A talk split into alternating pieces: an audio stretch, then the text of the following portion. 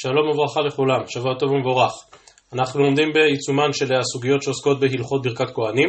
אגב, הדיון בגמרא כאן, בדף ל"ט עמוד ב', יזכרו גם הלכות קריאת התורה, אה, והלכה אחת כזאת מענייני קריאת התורה השתרבבה כבר לתחילת הדיון שלנו, בה אנחנו פותחים הערב, כבר בתחילת הדיון כאן בדף ל"ט עמוד א', כבר הקרן אורה עומד על זה שההלכה לא לגמרי במקומה, אה, מעניין לעניין עוסקים בקריאת התורה בדף ל"ט עמוד ב', אבל בכל זאת הלכה אחת הובאה דווקא כאן. אנחנו בגמרא בדף ל"ט עמוד א', ממש בתחילת העמוד. אמר רבא בר רב הונא, כיוון שנפתח ספר תורה, אסור לספר, כלומר לדבר, אפילו בדבר הלכה, שנאמר בפסוקים בספר נחמיה על מעמד קריאת התורה, ויפתח עזרא הסופר לעיני כל העם, כי מעל, כי מעל כל העם, היה, וכפתחו עמדו כל העם. ומכאן, ומדייקת הגמרא, אין עמידה אלא שתיקה, שנאמר, וזהו כמובן בהקשר אחר, באיוב והוכלתי כי לא ידברו, כי עמדו לא ענו עוד. כלומר, עמידה כאן לא במובן של עמידה על הרגליים, אלא עמידה במובן זה שלא מדברים. רבי זיירא אמר רב חיסדא מהכה, פסוק לאל שם בספר נחמיה, ואוזני כל העם אל ספר התורה. כאמור, גם זה במסגרת אה, סיפור הקראת התורה של עזרא, כפי שמתואר שם בספר נחמיה, וכאמור, מן הפסוקים הללו מוכח שבזמן קריאת התורה אסור לדבר וכולם מחויבים להקשיב. על פניו הלכה פשוטה וברורה, ובכל זאת כפי שמבקשים התוספות כאן, הדבר הזה סותר לכאורה סוגיה מפורשת במסכת ברכות, שמספרת על רב ששת שהחזיר את פניו בזמן קריאת התורה, והמשיך ועסק בתלמודו אה, כבכל שעה. כלומר, בזמן של קריאת התורה, רב ששת לא ממש הקשיב לקריאת התורה, אלא המשיך ולמד תורה בעצמו, והם כן אומרים התוספות שהדבר לכאורה סותר את ההלכה שלפנינו שאוסרת לספר אפילו בדברי תורה, ועל הסתירה הזו בין סוגייתנו לבין מנהגו של רב ששת נאמרו תירוצים שונים בראשונים. ברשותכם אקרא את הדברים ישירות מן השולחן ערוך באור החיים בסימן קמ"ו, הלכות קריאת התורה, וכאמור נאמרו בדבר הזה תירוצים רבים, והשולחן ערוך מביא את כולם. כך נפסק שם בשולחן ערוך, כיוון שהתחיל הקורא לקרות בספר תורה, אסור לספר אפילו בדברי תורה, ואפילו בין גברא לגברא, ואפילו אם השלים הוא הפרשה. כלומר, אפילו בין גברא לגברא אסור לדבר, שמא השיחה תימשך אל תוך הקריאה עצמה. אלא, אז מה נעשה, איך נסביר את מנהגו של רב ששת? ממשיך השולחן ערוך ואומר, ויש מתירים לגרוס, פירוש ללמוד, בלחש. ויש אומרים, שאם יש עשרה דצייטי לספר תורה, מותר לספר בדברי תורה. ויש מתירים למי שתורתו אומנותו. ויש מתירים למי שקודם שנפתח ספר תורה מחזיר פניו ומראה עצמו שאינו רוצה לקרות ומסיים השולחן ערוך ואומר ולקרות שניים מקרא ואחד תרגום משרת קריאת התורה שרי. ואם כן כאמור תירוצים שונים בין הראשונים איך יכול להיות שרב ששת בכל זאת הקל בדבר או בגלל שתורתו אומנותו או בגלל שהתחיל ללמוד עוד לפני קריאת התורה או בגלל שיש עשרה אחרים שקוראים וכאמור אלה תירוצים שונים בין הראשונים השולחן ערוך שמסיים ואומר שוודאי בפרשת זכור ובפרשת פרה שהם מדאורייתא וגם שם מעיר השולחן ערוך על זה שפרשת פרה היא מדאורייתא, שזה חידוש גדול, על כל פנים ודאי צריך לכוון ולשמוע את הקריאה. השאלה העקרונית שעומדת בבסיס כל הדיונים בנושאים הללו, בין הראשונים לאחרונים, אה, שאלה שמפורסמת הרבה פעמים בשמו של הברכת שמואל ביבמות, אבל רבים רבים כתבו עליה, היא השאלה האם בעצם חובת קריאת התורה היא חובת גברא, מוטלת על כל אדם, כל אדם צריך לשמוע קריאת התורה, או שבעצם קריאת התורה היא חובת הציבור, שצריך בבית הכנסת לקרוא בתורה, אבל אין חובה על כל אחד ואחד לשמוע, ובמידה רבה התירוצים השונים בין הראשונים, כאמור בין סוגייתנו שאומרת שאסור לדבר, לבין מנהגו של רב ששת שהחזיר את פניו, התירוצים השונים קשורים במידה רבה לשאלה הזו עצמה, דהיינו עד כמה אנחנו רואים את קריאת התורה אכן כחובה אישית שמוטלת על כל אחד ואחד.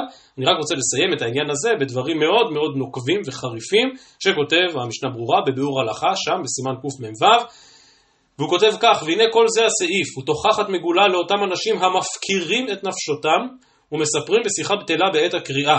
אם בין גברא לגברא שהספר סתום אסור לספר עם חברו, כמה יגדל האיסור בעת שהספר פתוח, שביזיון הוא כשמסיר אוזנו מלשמוע דבר השם, אומר הבור הלכה, וגדול עוונו מנשוא. שאפילו מי שיוצא באמצע הקריאה נאמר עליו ועוזבי השם יכלו.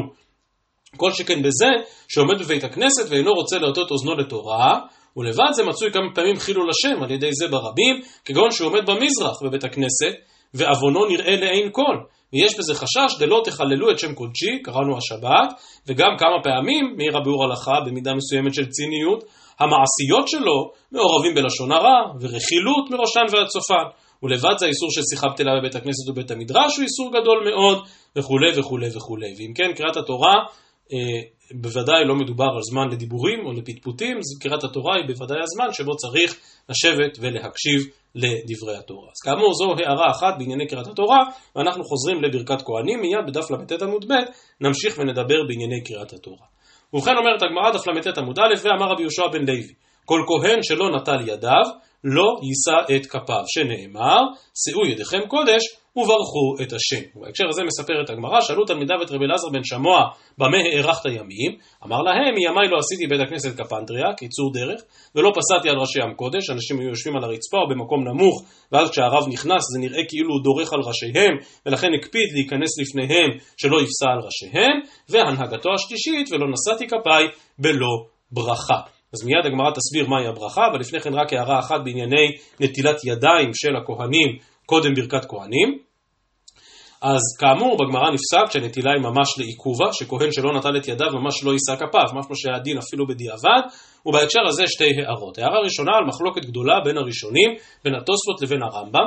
התוספות כאן מצטטים פירוש לא כתוב לפנינו בשם רבותיו של רש"י, וכך כותבים התוספות כאן דף ל"ט עמוד א', פירש רש"י, אמר לי רבי, אם נטל ידיו שחרית ונטהר כהן, אינו צריך לטול ידיו כשעולה לדוכן. כלומר, רבותיו של רש"י אמרו שאומנם נטילת ידיים מעכבת בברכת כהנים, אבל היות שנושאים כפיים בתפילת שחרית, שזה אחרי שאדם נטל ידיו בבוקר, הרי שהנטילה שנטל ידיו בבוקר עולה לו גם לכאן, ואינו חייב ליטול את ידיו פעם נוספת. כך אמרו רבותיו של רש"י, והתוספות דוחים את זה מכל וכול, וכמדומה שהועתק מהגהת תלמיד. כלומר, מה שהתוספות מתכוונים לומר שאיזשהו תלמיד טועה כתב את ההלכה הזאת, זה ממש לא ייתכן, הן מצד לשונו של רש"י כאן, שהנטילה היא לפני העלייה לדוכן, לא מה שנטלו בשחרית, ועוד יותר מזה, מן הפסוק, שאו ידיכם קודש וברכו את השם, למדים בסוגיות אחרות, גם על נטילת ידיים לסעודה וכדומה, דהיינו על עניינים שצריכים להיות סמוכים זה לזה. תכף לנטילה ברכה. ולכן לא יכול להיות שכהן שנטל את ידיו בבוקר, הנטילה הזאת תקפה גם לכאן, כך עמדתם הנחרצת של בעלי התוספות. ולמרות הדברים הנחרצים הללו, מרן הכסף משנה, גם בכסף משנה וגם בבית יוסף, הבין שהרמב"ם מסכים עם אותה דעה שמצוטטת בשם רבותיו של רש"י, שניתן להסתפק בנטילת ידיים שחרית. עכשיו הדבר הזה לא מפורש ברמב"ם, אבל הכסף משנה מדייק את זה מן העובדה שהרמב"ם בפרק ט"ו מהלכות תפילה ונשיאת כפיים, כאשר הרמב"ם מביא את ההלכה הזו של נטילת ידיים לכהנים, הרמב"ם אינו מתנסח כמו שהוא מתנסח בהלכות נטילת ידיים לסעודה. בהלכות נטילת ידיים לסעודה הרמב"ם כותב בפירוש שאפילו אם לא יודע שיש טינוף בידיו ולא נגע בשום דבר וכולי וכולי, עדיין לפני שהוא אוכל צריך לטול ידיו. ואת זה הרמב"ם לא כתב לגבי נשיאת כפיים. ומשמע בזה שאם נטל ידיו שחרית, באמת זה מספיק, כך מדייק הבית יוסף, והוא מסיים שם וכותב, וכן נוהגים בארץ מצרים, שלא ליטול הכהן ידיו בשעת נשיאת כפיים, אלא סומך על הנטילה שנטל ידיו שחרית. אז כאמור הדבר לא מפורש ברמב"ם, אבל כך משמע מן הדברים. הוא מוסיף הבית יוסף וכותב שבספר אורחות חיים בשם רבי אברהם בן הרמב"ם, אכן נאמר שהלכה למעשה לפני אבא מריזל וזולתו ממורי התורה, שכל כהן העומד בתפילה ייגש לברכת כהנים וסומך על נטילת ידיו לקריאת שמע ולתפילה. אז הדבר לא מפורש במשנה תורה, אבל רבי אברהם בן הרמב"ם מעיד שכך אכן הייתה דעתו של הרמב"ם, והאחרונים, כפי שאפשר לראות במשנה ברורה שם בסימן קכ"ח, באמת סומכים על דעתו של הרמב"ם כאשר הכהן לא הספיק, סיים מאוחר את תפילת העמידה שלו וכבר רוצה להספיק ברכת כהנים, אז אכן מתירים לו לעלות ולברך ברכת כהנים, אף על פי שלא נטל את ידיו. אם כי השולחן ערוך פוסק שכהן, שאף על פי שנטילת ידיים לכהנים היא חובה גמורה, כמו שנאמר כאן בגמרא, נוטלים בלא ברכה, בגלל שכבר נטלו ידיהם שחרית. ועל זה כותב המשנה ברורה, שבאמת כהנים, אני חושב שיש כהנים שלא מודעים להלכה הזו, שבאמת הכהן כאשר הוא נוטל ידיו שחרית, צריך לכוון שהברכה שהוא מברך עכשיו, תעלה לו גם לנטילה שהוא ייטול פעם נוספת לפני שהוא עולה לדוכן. ולכן כתבו אחרונים שהשתדלו אפילו לא להסיח דעתם ולשמור על הידיים בנקיות מהרגע שנטלו ידיים בבוקר ועד שמברכים ברכת כהנים בבית הכנסת. אז זו הלכה אחת לגבי העניין הזה של נטילת ידיים. הלכה אחרת, שגם היא שם בדברי הבית יוסף, באורח חיים בסימן קכ"ח, וזה דבר שלא נזכר לא בגמרא ולא ברמב"ם, אין לו מקור, בחז"ל, וזה המנהג שהלוויים הם אלה שנוטלים את ידיהם של הכוהנים. אז כאמור, הבית יוסף מעיד שכך היה מנהג האשכנזים, וכותב הבית יוסף ולא הייתי יודע מאין להם דבר זה. כאמור, זה לא כתוב בגמרא, זה לא כתוב ברמב"ם, זה לא כתוב בחז"ל, אבל כותב הבית יוסף, עד שזיכני השם, ומצטיב מפורש במדרש הזוהר בפרשת נשוא. ובאמת בזוהר הקדוש נאמר בפירוש שקודם שהכהנים עולים לדוכן, הרי שהלוויים הם אלה שנוטלים את ידיהם, וכך נפסק להלכה גם בשולחן ערוך, וכך מנהג ישראל, אם כי הייתה נקודה שמאוד מאוד הטרידה את הראשונים והפוסקים, והיא מצב שבו לוי, תלמיד חכם, צריך ליטול ידיו לכהן גדול שהוא פחות תלמיד חכם, ואולי אפילו כהן גדול עם הארץ, האם אין בדבר הזה פגיעה בכבוד התורה, ואחרונים העריכו בדבר הזה הרבה. יש אה, סיפורים על כמה וכמה מגדולי ישראל שהיו לוויים, ולא כל כך נהגו את העניין הזה של נטילת ידיים לכהנים. כמדומני שפעם ממורי חמי, שבעצמו לוי, ואני לפחות לא זוכר שראיתי אותו נוטל ידיים, אבל כמדומני שכך הוא סיפר גם על הסבא של אשתי, על הרב חיים דוד הלוי, שלא היה נוטל ידיים לכהנים. על כל פנים, מי שרוצה לראות אה, בקצרה, בשו"ת ציץ אליעזר, חלק ט"ו, בסימן כ"ב, יש תשובה על כל דברי הפוסקים בעניין הזה של מתי הלוויים כן או לא יתלו את ידיהם של הכהנים. בהרבה מאוד מקומות נוהגים שאכן הלוויים נוטלים ידיים לכהנים, אבל כאמור יש אה, בעיקר מתלמידי חכמים לוויים שלא תמיד הקפידו על העניין הזה. אז עד כאן לגבי נטילת ידיים, אה, וקראנו את אה, מנהגו של רבי אלעזר בן שמוע שהקפיד בעניינים שונים ובין היתר הקפיד גם על הברכה שבנשיאות כפיים. לכאורה יש כאן חידוש, מה הסגולה הגדולה בזה שרבי אלעזר בן שמוע מקפיד לא לשאת כפיו ולא ברכה, הרי נשיאת כפיים היא מצווה, כפי שראינו ביום שישי בדף ל"ח. יש, אה, ודאי שזו מצוות עשה, מדאורייתא, ויש אפילו כמה מצוות עשה, כמו שלמדנו בדף ל"ח, אז מה החידוש? ברור שצריך לברך, וכנראה שהחידוש הוא בתוכן הברכה, וגם על זה כבר עמדנו ביום שישי. אומרת הגמרא, מהי מברך? אמר רבי זרע, אמר רב חיסדא, אשר קידשנו מקדושתו של אהרון, וציוונו לברך את עמו ישראל באהבה. דהיינו, העובדה שלא נשאתי כפיי בלא ברכה, זה אומר שניגשתי אל ברכת כהנים מתוך התודעה המיוחדת הזו, מתוך התפיסה המיוחדת הזו, של לברך את עמו ישראל באהבה. דיברנו על זה שכהן שיש לו שונאים, או שהוא חלילה שונא אחרים, שלא יכול לשאת את כפיו, וזו סגולתו המיוחדת של רבי אלעזר בן שמוע, שניגש אל הברכה מתוך התודעה הזו של לברך את עמו ישראל באהבה. ואם כן, כמו שאמרתי, ברור שברכת כהנים מחייבת גם ברכת המצווה, המיוחד הוא בתוכן, בתוכן של אותה ברכה, שזו ברכה באהבה. ובעניין הזה ממשיכה הגמרא ואומרת, כי עקר קראי, מהי אמר? כלומר, כאשר הכהן עוקר את רגליו בעבודה כדי לגשת אל הדוכן, מה הוא אומר? יחידות שיש בדבר, מי בכלל אמר שהוא צריך לומר משהו, אבל הגמרא מניחה שיש איזושהי תפילה או תחינה שצריכה ללוות את עלייתו של הכהן אל הדוכן, ובכן מהי אותה תפילה? יהי רצון מלפניך השם אלוהינו, שתהא ברכה זו שציוויתנו לברך את עמך ישראל, לא יהא בה מכשול ועוון. וכי מהדר אפי מציבור, דהיינו כאשר הוא מסיים את ברכתו מהי אמר, עד ברי רב חיסדא לרב קוקווה ודרש, ריבונו של עולם, עשינו מה שגזרת עלינו, עשה עמנו מה שהבטחתנו, השקיפה ממון קודשך מן השמיים, וכולי וכולי, וכך אכן נפסק להלכה, וכך נוהגים הכהנים, לומר את היהי רצון קודם הברכה, ולומר ריבונו של עולם גם אחרי הברכה, ואפילו כתוב בהלכה שנוהגים לנסות ולסיים את הריבונו של עולם יחד עם השץ שמסיים מברך את עמו ישראל בשלום, וכך כאשר הציבור עונה אמן על המברך את עמו ישראל בשלום של השץ, עונים אמן גם על אותו ריבונו של עולם שאומרים הכהנים. ממשיכה הגמרא דף ל"ט עמוד ב' ואומרת, אמר רב חיסדא, אין הכהנים רשאים לחוף קשרי אצבעותיהן עד שיחזירו פניהם מן הציבור. מסבירים המפרשים שלא יראו כבורחים מן הציבור או כממהרים לסיים את הברכה, כל עוד הכהנים עומדים ופניהם לציבור, אז, אז אזי גם ידיהם פרוסות כפי שנהוג בזמן הברכה, ורק כאשר מחזירים את פניהם אל ארון הקודש, רק אז מורידים את ידיהם. אמר רבי זרע אמר רב חיסדא, אין הקורא רשאי לקרות כהנים עד שיכלה אמן מפי הציבור. כלומר, קודם כל עונים אמן על ברכת הטוב שמך ולך נאה להודות, ורק אחרי אמן קוראים להם כהנים, ואין הכהנים רשאים להתחיל בברכה עד שיכלה הדיבור מפי הקורא, כלומר עד שיסיים לקרוא להם כהנים, ואין הציבור רשאים לענות אמן עד שתכלה ברכה מפי הכהנים, ואין הכהנים רשאים להתחיל בברכה אחרת עד שיכלה אמן מפי הציבור, ואמר רבי זרע, אמר רב חיסדא, אין הכהנים רשאים להחזיר פניהם מן הציבור עד שיתחיל שליח ציבור בשים שלום, ו... ואינן רשאים לעקור רגליהם ולילך עד שיגמור שליח ציבור שים שלום. או במילים פשוטות, צריך לתת לכל אחד מן השלבים בטקס המיוחד הזה, בברכת כהנים, צריך לתת לכל אחד מן השלבים את מקומו הראוי לו, את מקומו המתאים לו, ולא להיחפז יותר מדי, שלא יתחילו הכהנים לברך לפני שקראו להם כהנים, שלא יתחילו, שהציבור לא יענה אמן לפני שהכהנים סיימו לברך, וכן הלאה זו הדרך. כל אחד ואחד מן השלבים, כל אחד ואחד מן החלקים, זקוק למקום המתאים לו. האם יש כאן בעיה הלכתית נוספת, בעיית ריקה ללא משתמי, בזה עוסקים התוספות כאן בדף ל"ט עמוד ב', לא נאריך בדבריהם, אבל התוספות כאן, אה, נקודה אחת מעניינת בתוספות היא, התוספות שואלים, רגע, איך בכלל אנחנו נוהגים ששני כהנים עולים יחד לדוכן ומברכים ביחד? הרי כאמור, תרי קאלי לא משתמע, אז איך יכול להיות ששני כהנים עולים ביחד?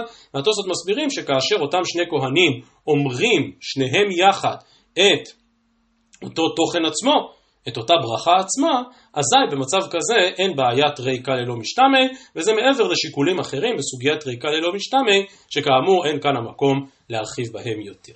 מתוך שמזכירה הגמרא את הצורך הזה להמתין עם הברכה עד שיענו הציבור אמן, להמתין עם שים שלום עד שיסיימו הכהנים את ברכתם וכן הלאה זו הדרך, ויותר מזה שהכהנים אכן נשארים לעמוד על הדוכן עד שיסיים שליח הציבור את ברכת שים שלום, דהיינו שבאמת יש חשיבות מיוחדת לזה יש חשיבות מיוחדת לעניין הזה שהכוהנים אה, באמת ברכתם קשורה ומחוברת לאמירת שים שלום, אז מתוך שהזכרנו את כל ההלכות הללו בעניין שים שלום, ממשיכה הגמרא לעניין אחר, מה שהזכרנו מקודם, ענייני קריאת התורה. אומרת הגמרא, ואמר רבי זיירא, אמר רב חיסדא, אין הציבור רשאים לענות אמן, עד שתכלה ברכה מפי הקורא.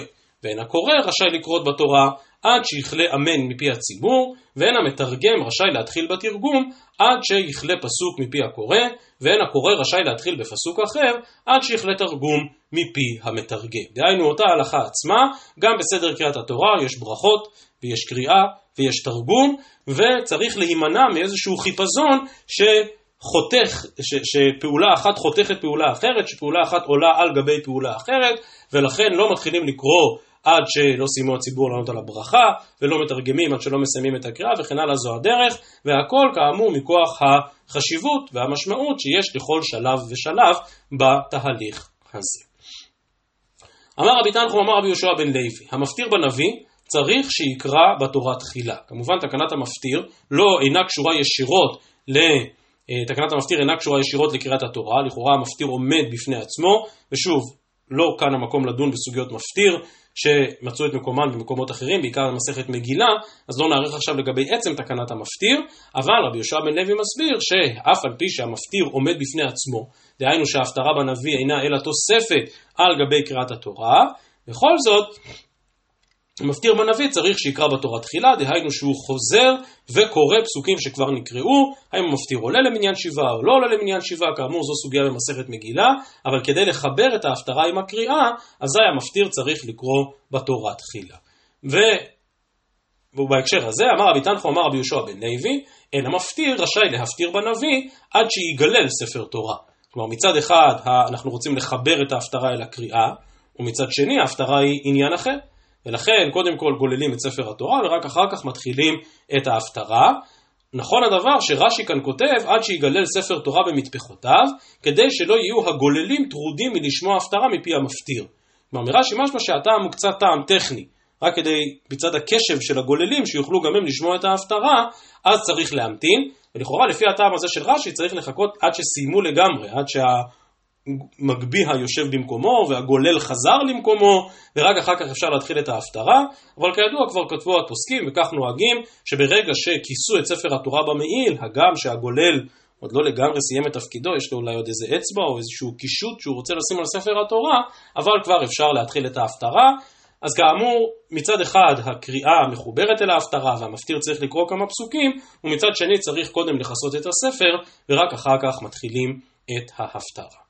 ועוד אומרת הגמרא בהקשר הזה של ספר התורה, ואמר רבי תנחו אמר רבי יהושע בן לוי, אין שליח ציבור רשאי להפשיט את התיבה בציבור מפני כבוד הציבור. המנהג היה שפורסים איזושהי תיבה עם מפה מיוחדת, כמו שיש גם היום בהרבה בתי כנסת, שהבמה לא נמצאת במקום כל הזמן, אלא מניחים את הבמה לקראת קריאת התורה, ואת הבמה הזו לא מפשיטים ממנה את מטפחותיה ומפותיה וכולי, לא, לא מפשיטים אותם כאשר התפילה עדיין נמשכת מפני כבוד הציבור, אלא רק לאחר התפילה.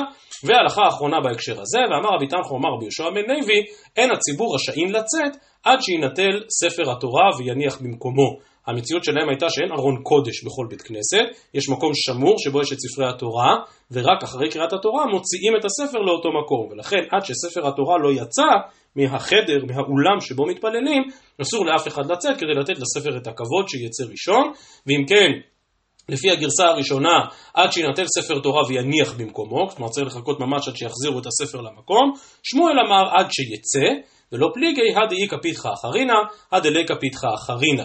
דהיינו, כאשר יש פתח אחר, אז די לנו בזה שהספר כבר עומד לצאת מפתח אחד ויכול מישהו לצאת מפתח אחר. כאשר יש רק פתח אחד, אזי אף אחד לא יכול לצאת מאותו הפתח לפני ספר התורה. אמר רב אבר אהינה אסברה לי את הטעם של ההלכה הזאת, והוא אחרי השם אלוהיכם תלכו. כלומר, אנחנו הולכים אחרי ספר התורה ולא הולכים לפניו. עד כאן ענייני קריאת התורה. ומכאן אנחנו חוזרים לעוד הלכה אחת בענייני ברכת כהנים, שכפי שנראה הלכה ששנויה במחלוקת גדולה בחז"ל עצמם, ובעצם עד עצם היום הזה יש בעניין הזה חילוקי מנהגים משמעותיים. אומרת הגמרא, בזמן שכהנים מברכים את העם, מה הן אומרים? ושוב, גם כאן אותה שאלה, מי אמר שהציבור בכלל צריך לומר משהו? אבל הגמרא אומרת, מה, לא יכול להיות, ברור שהציבור צריך איזשהו יהי רצון, איזושהי תפילה, איזשהו פסוק, לומר תוך כדי ברכת כהנים. עונה הגמרא, אמר רבי זיירא, אמר רב חיסדא, אומרים את הפסוקים מתהילים ק"ג, ברכו השם מלאכיו, גיבורי כוח עושי דברו, לשמוע בכל דברו, ובהמשך שם ברכו השם כל צבאיו משרתיו עושה רצונו, ברכו השם כל מעשיו בכל מקומות, בכל מקומות ממשלתו, ובסיום אותו מזמור בתהילים ק"ג, ברכי נפשי את השם. דהיינו, אנחנו זוכים לברכה מן הכהנים, ואנחנו בוחרים באותו מזמור, או באותם פסוקים מתוך מזמור תהילים, שכל כולם מענה, גם אנחנו מברכים את הקדוש ברוך הוא. שואלת הגמרא, או במוספי דשבתא, מה הן אומרים? כנראה, בכל זאת, ברכת כהנים שבמוסף, הזכרנו אתמול את הירושלמי, שמדבר על זה שיש מקור ספציפי, מקור נפרד לנשיאת כפיים במוסף, אז מהם הפסוקים המיוחדים למוסף? אמר רב אסי, אומרים את שיר המעלות האחרון בשירי המעלות, הנה ברכו את השם כל עבדי השם העומדים בבית השם בלילות, וגם את הפסוק הבא שם, שאו ידיכם קודש וברכו את השם, ומדלגים למזמור הבא, למזמור קל"ה, שבסיומו ברוך השם מציון, שוכן ירושלים הללויה. שואלת הגמרא, אבל למה דילגת על הפסוק האחרון במזמור קל"ד? מזמור קל"ד חותם ב"יברכך השם מציון עושה שמיים וארץ", למה את הפסוק הזה לא אומרים? ולמה נמי יברכך השם מציון דכתיב בההוא עניינא? עונה הגמרא, אמר רבי יהודה בריה דרבי שמעון בן פזי, מתוך שהתחיל בברכותיו של הקדוש ברוך הוא, מסיים בברכותיו של הקדוש ברוך הוא. כלומר, הפסוק יברכך השם מציון, הוא כמו יברכך השם וישמרך. אבל כל הרעיון של הפסוקים שהעם עונה לכהנים, זה פסוקים שבאים להשיב ולעסוק בברכת השם ולא בברכת העם, ולכן על פסוק ג' במזמור קל"ד בשיר המעלות האחרון, על הפסוק הזה מדלגים. במנחתא דתעניתא מאי אמרי, כנראה גם שם יש ברכת כהנים מיוחדת, התוספות כאן מזכירים שבמנחה של תענית לא נושאים כפיים, אלא אם כן מדובר על מנחה הסמוכה לשקיעה שהיא כמו נעילה, ורק אז נושאים כפיים. סוף כל סוף פסוקים שצריכים להיות מיוחדים אה, לתפילת התענית. וכאן בוחר רב אחא בר יעקב פסוקים דווקא לא מתהילים, אלא מירמיהו פרק י"ד, עם עווננו אנו באנו השם עשה למען שמך, כי רבו משובותינו לך חטאנו, מקווה ישראל מושיעו בעת צרה, למה תהיה כגר בארץ וכורח נטל לנון, למה תהיה כאיש נדהם כגיבור לא יוכל להושיע, ואתה בקרבנו השם, ושמך עלינו נקרא אל תניחנו. ושמו את שמי על בני ישראל ואני אבריכם, ולכן בוחרים את הפסוקים הללו מירמיהו י"ד, פסוקים שמדברים על שם השם שנקרא עלינו, אבל בהקשר של תפילה, תחינה, מקווה ישראל מושיעו בעת צרה וכולי. ולבסוף, דף מ עמוד א', בנעילה דיומא דכיפורי מי אמרי, אמר מר זוטרא ואמר לה במתניתא, הנה כי כן יבורך גבר ירא השם, יברכך השם מציון ורא בטוב ירושלים כל ימי חייך, ורא בנים לבניך שלום על ישראל. כלומר כאן אנחנו בכל זאת בוחרים בפסוקים של יברכך השם מציון, שוב מתהילים, משירי המעלות, אבל הפסוקים הללו יפים לחיתומו של יום הכיפורים, לנעילת שערי שמיים, וראה בטוב ירושלים כל, בני, כל ימי חייך, שלום על ישראל. ואם כן, יש פסוקים מיוחדים לשחרית, למוסף, לתענית ולנעילה. שואלת הגמרא, היכן אומרן? אז מתי בדיוק הציבור צריך לומר את הפסוקים הללו? רב יוסף אמר, בין כל ברכה וברכה. ורב ששת אמר, בהזכרת השם. רב יוסף אומר, בין הברכות, בין יברכך לבין יאר. רב ששת אמר, כשהכהנים מזכירים את השם, אז צריך להשיב בפסוקים הללו. פליגי בר רב מרי ורב צבי, אחד אמר פסוקה לקבל פסוקה, כלומר הכהנים אומרים את אחד מפסוקי הברכה ומשיבים בפסוק אחד, ואחד אמר שהכל פסוקה, על כל אחת משלוש הברכות, יברכך, יאר, יישא, אומרים את כל אותם פסוקים שזה עתה הזכרנו. האם מישהו מכיר את המנהג הזה לומר את כל אותם פסוקים? כנראה שלא. המנהג הזה לא כל כך נוהג בינינו. וזה בגלל שכמו שאמרתי מקודם, מיד נראה שיש מחלוקת גדולה כאן בסוגיה עצמה, האם אכן נכון לומר את הפסוקים הללו. אמר רבי חייא בר אבא, כל האומרן בגבולין אינו אלא טועה. כלומר בעצם כל הפסוקים הארוכים הללו מתאימים אך ורק למקדש, לא אומרים אותם בברכת כהנים שבכל מקום ומקום. אמר רבי חנינא בר פפא, תדע דבמקדש נמי לא מבאי לממרינו. לא, לא, לא, לא, לא. הסיבה שאנחנו לא מכירים את זה, זה לא בגלל שאומרים את זה במקדש ולא בגבולין, אלא בגלל שכל ההלכה הזו, ממש כמעט שהיינו אומרים בטעות יסודה. גם במקדש לא צריך להוסיף פסוקים, ורבי חנינא בר פפא מסביר, כלום יש לך עבד שמברכין אותו ואינו מאזין? כל התפילה אנחנו רק מדברים ומדברים ומדברים ומתפללים. בברכת כהנים יש זמן להקשיב. לעמוד פנים כנגד פנים אל מול הכהנים, ופשוט להקשיב. ולפתוח את הידיים ובעיקר לפתוח את הלב כדי לקבל את הברכה. ולכן אומר רבי חנינא בר פפא, בזמן של הברכה לא צריך לומר שום דבר. אבל, דעה שלישית, אמר רבי יחא ברבי חנינא תדע, דבגבולין נמי מבא אלי ממרינו. ודאי שכן צריך לומר. כלומר, יש עבד שמברכין אותו ואין מסביר פנים? הפוך. אם הקדוש ברוך הוא מעניק לנו כזה שפע גדול, כאלה ברכות חשובות, וכי יעלה על הדעת שאנחנו לא נחזיר לו ברכה, ברכי נפשי את השם, וכל הפסוקים שציטטנו עד עכשיו? ובהחלט יש כאן מחלוקת עמוקה, וכמו שאמרתי, שלוש דעות. דעה אחת שאומרת פשוט, פשוט לשתוק ולהקשיב, דעה שנייה שאומרת זה לא, זה לא מנומס לשתוק ולהקשיב, צריך להסביר פנים. ודעה שלישית שמבקשת לחלק בין המקדש לבין הגבולים. אז מהי ההלכה למעשה?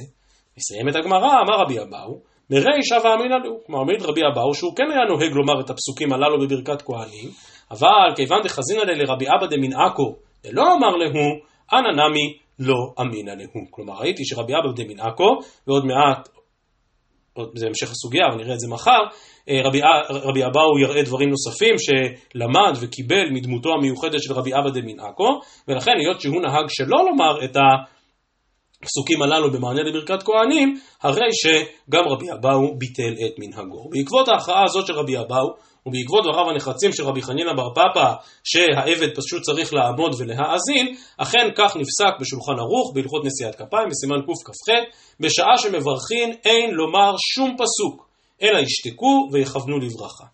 כך פוסק השולחן ערוך וכך מנהג הספרדים. גם הרמ"א במקום מגיע וכותב, הגהה, ומכל מקום, עכשיו שכהנים מעריכים הרבה בניגונים, נהגו גם כן לומר פסוקים, אך יותר טוב שלא לאומרם דעת עצמו. כך אומר הרמ"א. כלומר הרמ"א כן מציין מנהג שהכהנים מעריכים בניגון, שוב, לא לומר פסוקים תוך כדי שהכהנים מברכים, אלא כאשר הכהנים מעריכים בניגונים בין ברכה לברכה, אז כן מוסיפים פסוקים, וזה המנהג שהרמ"א מכיר, אבל דעת עצמו, כלומר ההערה של הרמ"א עצמו, זה שיותר טוב היה שלא לומר, ובאמת כך הכריע גם הגר"א, וכך פשט המשנה ברורה, שביטלו לחלוטין את המנהג הזה של לומר כל מיני תפילות ותחינות ויהי רצונים ופסוקים תוך כדי ברכת כהנים. ולמרות ההכרעה הזאת של הרמ"א, שיותר טוב שלא לאומרם, המנהג ברבות מקהילות אשכנז ועד היום זה מודפס בסידורים של בני חוץ לארץ, שכן אומרים יהי רצון ופסוקים וכל מיני תחינות תוך כדי ברכת כהנים. חלק מאותן תחינות קשורות לנקודה שהיא כן מוסכמת בראשונים ומפורשת כבר בתוספות כאן בדף מ עמוד א', וזה העניין של תענית חלום. אדם שחלם חלום רע, אז אומרת הגמרא שהדרך להתיר או להמתיק את אותו חלום רע זה להתפלל בזמן שהכוהנים נושאים את כפיהם ולכן היה מנהג שכן אומרים כל מיני תחינות שקשורות לחלומות רעים בזמן של ברכת כהנים. אבל שוב, המנהג בקהילות חוץ לארץ שלא היו נושאים כפיים כל השנה אלא רק בתפילות המוספים של הרגלים, וממילא נשיאות כפיים הייתה עניין כל כך חשוב ומשמעותי, לכן כנראה רצו לתת לזה תוספת נופך, תוספת משמעות, ועוד הוסיפו הרבה פסוקים ותפילות ותחינות תוך כדי נשיאת כפיים. המנהג הרווח בארץ ישראל, שאנחנו זוכרים כי עיקר ההלכה לברך ברכת כהנים מדי יום ביומו בכל תפילה ותפילה, הרי שבאמת בארץ ישראל בעקבות פסק השולחן ערוך המפורש, בעקבות מנהג הגר"א והמשנה ברורה לא מוסיפים שום דבר לברכת כהנים, אלא פשוט עומדים ומקשיבים. אז אנחנו נעמוד בנקודה הזאת, אה, יש לנו עוד כמה עניינים בברכת כהנים שנראה מחר בדף מ', אני רק מתנצל מראש ואומר, יש גם הרבה עניינים בברכת כהנים שהיות שלא מפורשים בתוך הסוגיה עצמה, לא יכולנו להתפרס ולדון בהם. ניתן אולי רק שתי דוגמאות, דוגמה אחת, מה שזה עתה הזכרנו, כל השאלה הגדולה, למה התקבל בקהילות האשכנזים בחוץ לארץ שלא מברכים ברכת כהנים כל השנה, אלא רק ברגלים, מנהג מאוד מאוד מחודש, מאוד מאוד לא ברור מה המקור שלו, אה, ועוד פעם, ברור שזה היה המנהג, אבל זה מנהג מאוד מאוד מחודש. אם לא די במנהג הזה שאשכנזים בחוץ לארץ לא נשאו כפיים, הרי שעלו לארץ, ואז גם בארץ קבעו שבצפון לא נושאים כפיים, בדרום לא נושאים כפיים, בשחרית לא נושאים כפיים, רק במוסף, ועוד כל מיני מנהגים כאלה שגם להם, אני יודע שכל מנהג כזה יש לו הסברים וביאורים וברורים, אבל אין ספק שהמנהגים הללו הם, לא, הם שלא כעיקר ההלכה. שוודאי שבפרקת כהנים ומצוות עשה מדאורייתא בכל יום ויום, אז לא הספקנו להאריך בזה וזה מחייב שיעור בפני עצמו. או למשל נושא אחר שנידון כאן בתוספות בדף ל"ט עמוד א', השאלה לגבי כהן בעל עבירה חלילה או כהן בעל תשובה, אה, האם יכול לשאת כפיו או לא יכול לשאת כפיו, וזה מתחיל מכהן שהרג את הנפש, דרך כהן שעבד עבודה זרה וחזר בתשובה, ועד לעבירות אחרות. דעת הרמב"ם מאוד נחרצת בנושא הזה, שאף שכהן שהוא בעל עבירה, למעט כהן שהרג את הנפש, ודאי שיכול לשאת את כפיו, משום שגם יש לו עבירה אחת, לפחות שלא ירבה עבירות אחרות, ויזכה לקיים את המצווה הזו של נשיאת כפיים. אז כאמור, גם הנושא הזה הוא שאלה גדולה, אבל אנחנו השתדלנו להתמקד במה שמפורש בסוגיות עצמן, וקצת קצת להעיר ולהרחיב, אבל הרבה יותר מזה כתוב בסימן קכ"ח באורח חיים, הסימן שעוסק בענייני נשיאת כפיים. ושמו את בני ישראל ואני אברכם. שבוע טוב ומבורך לכולם.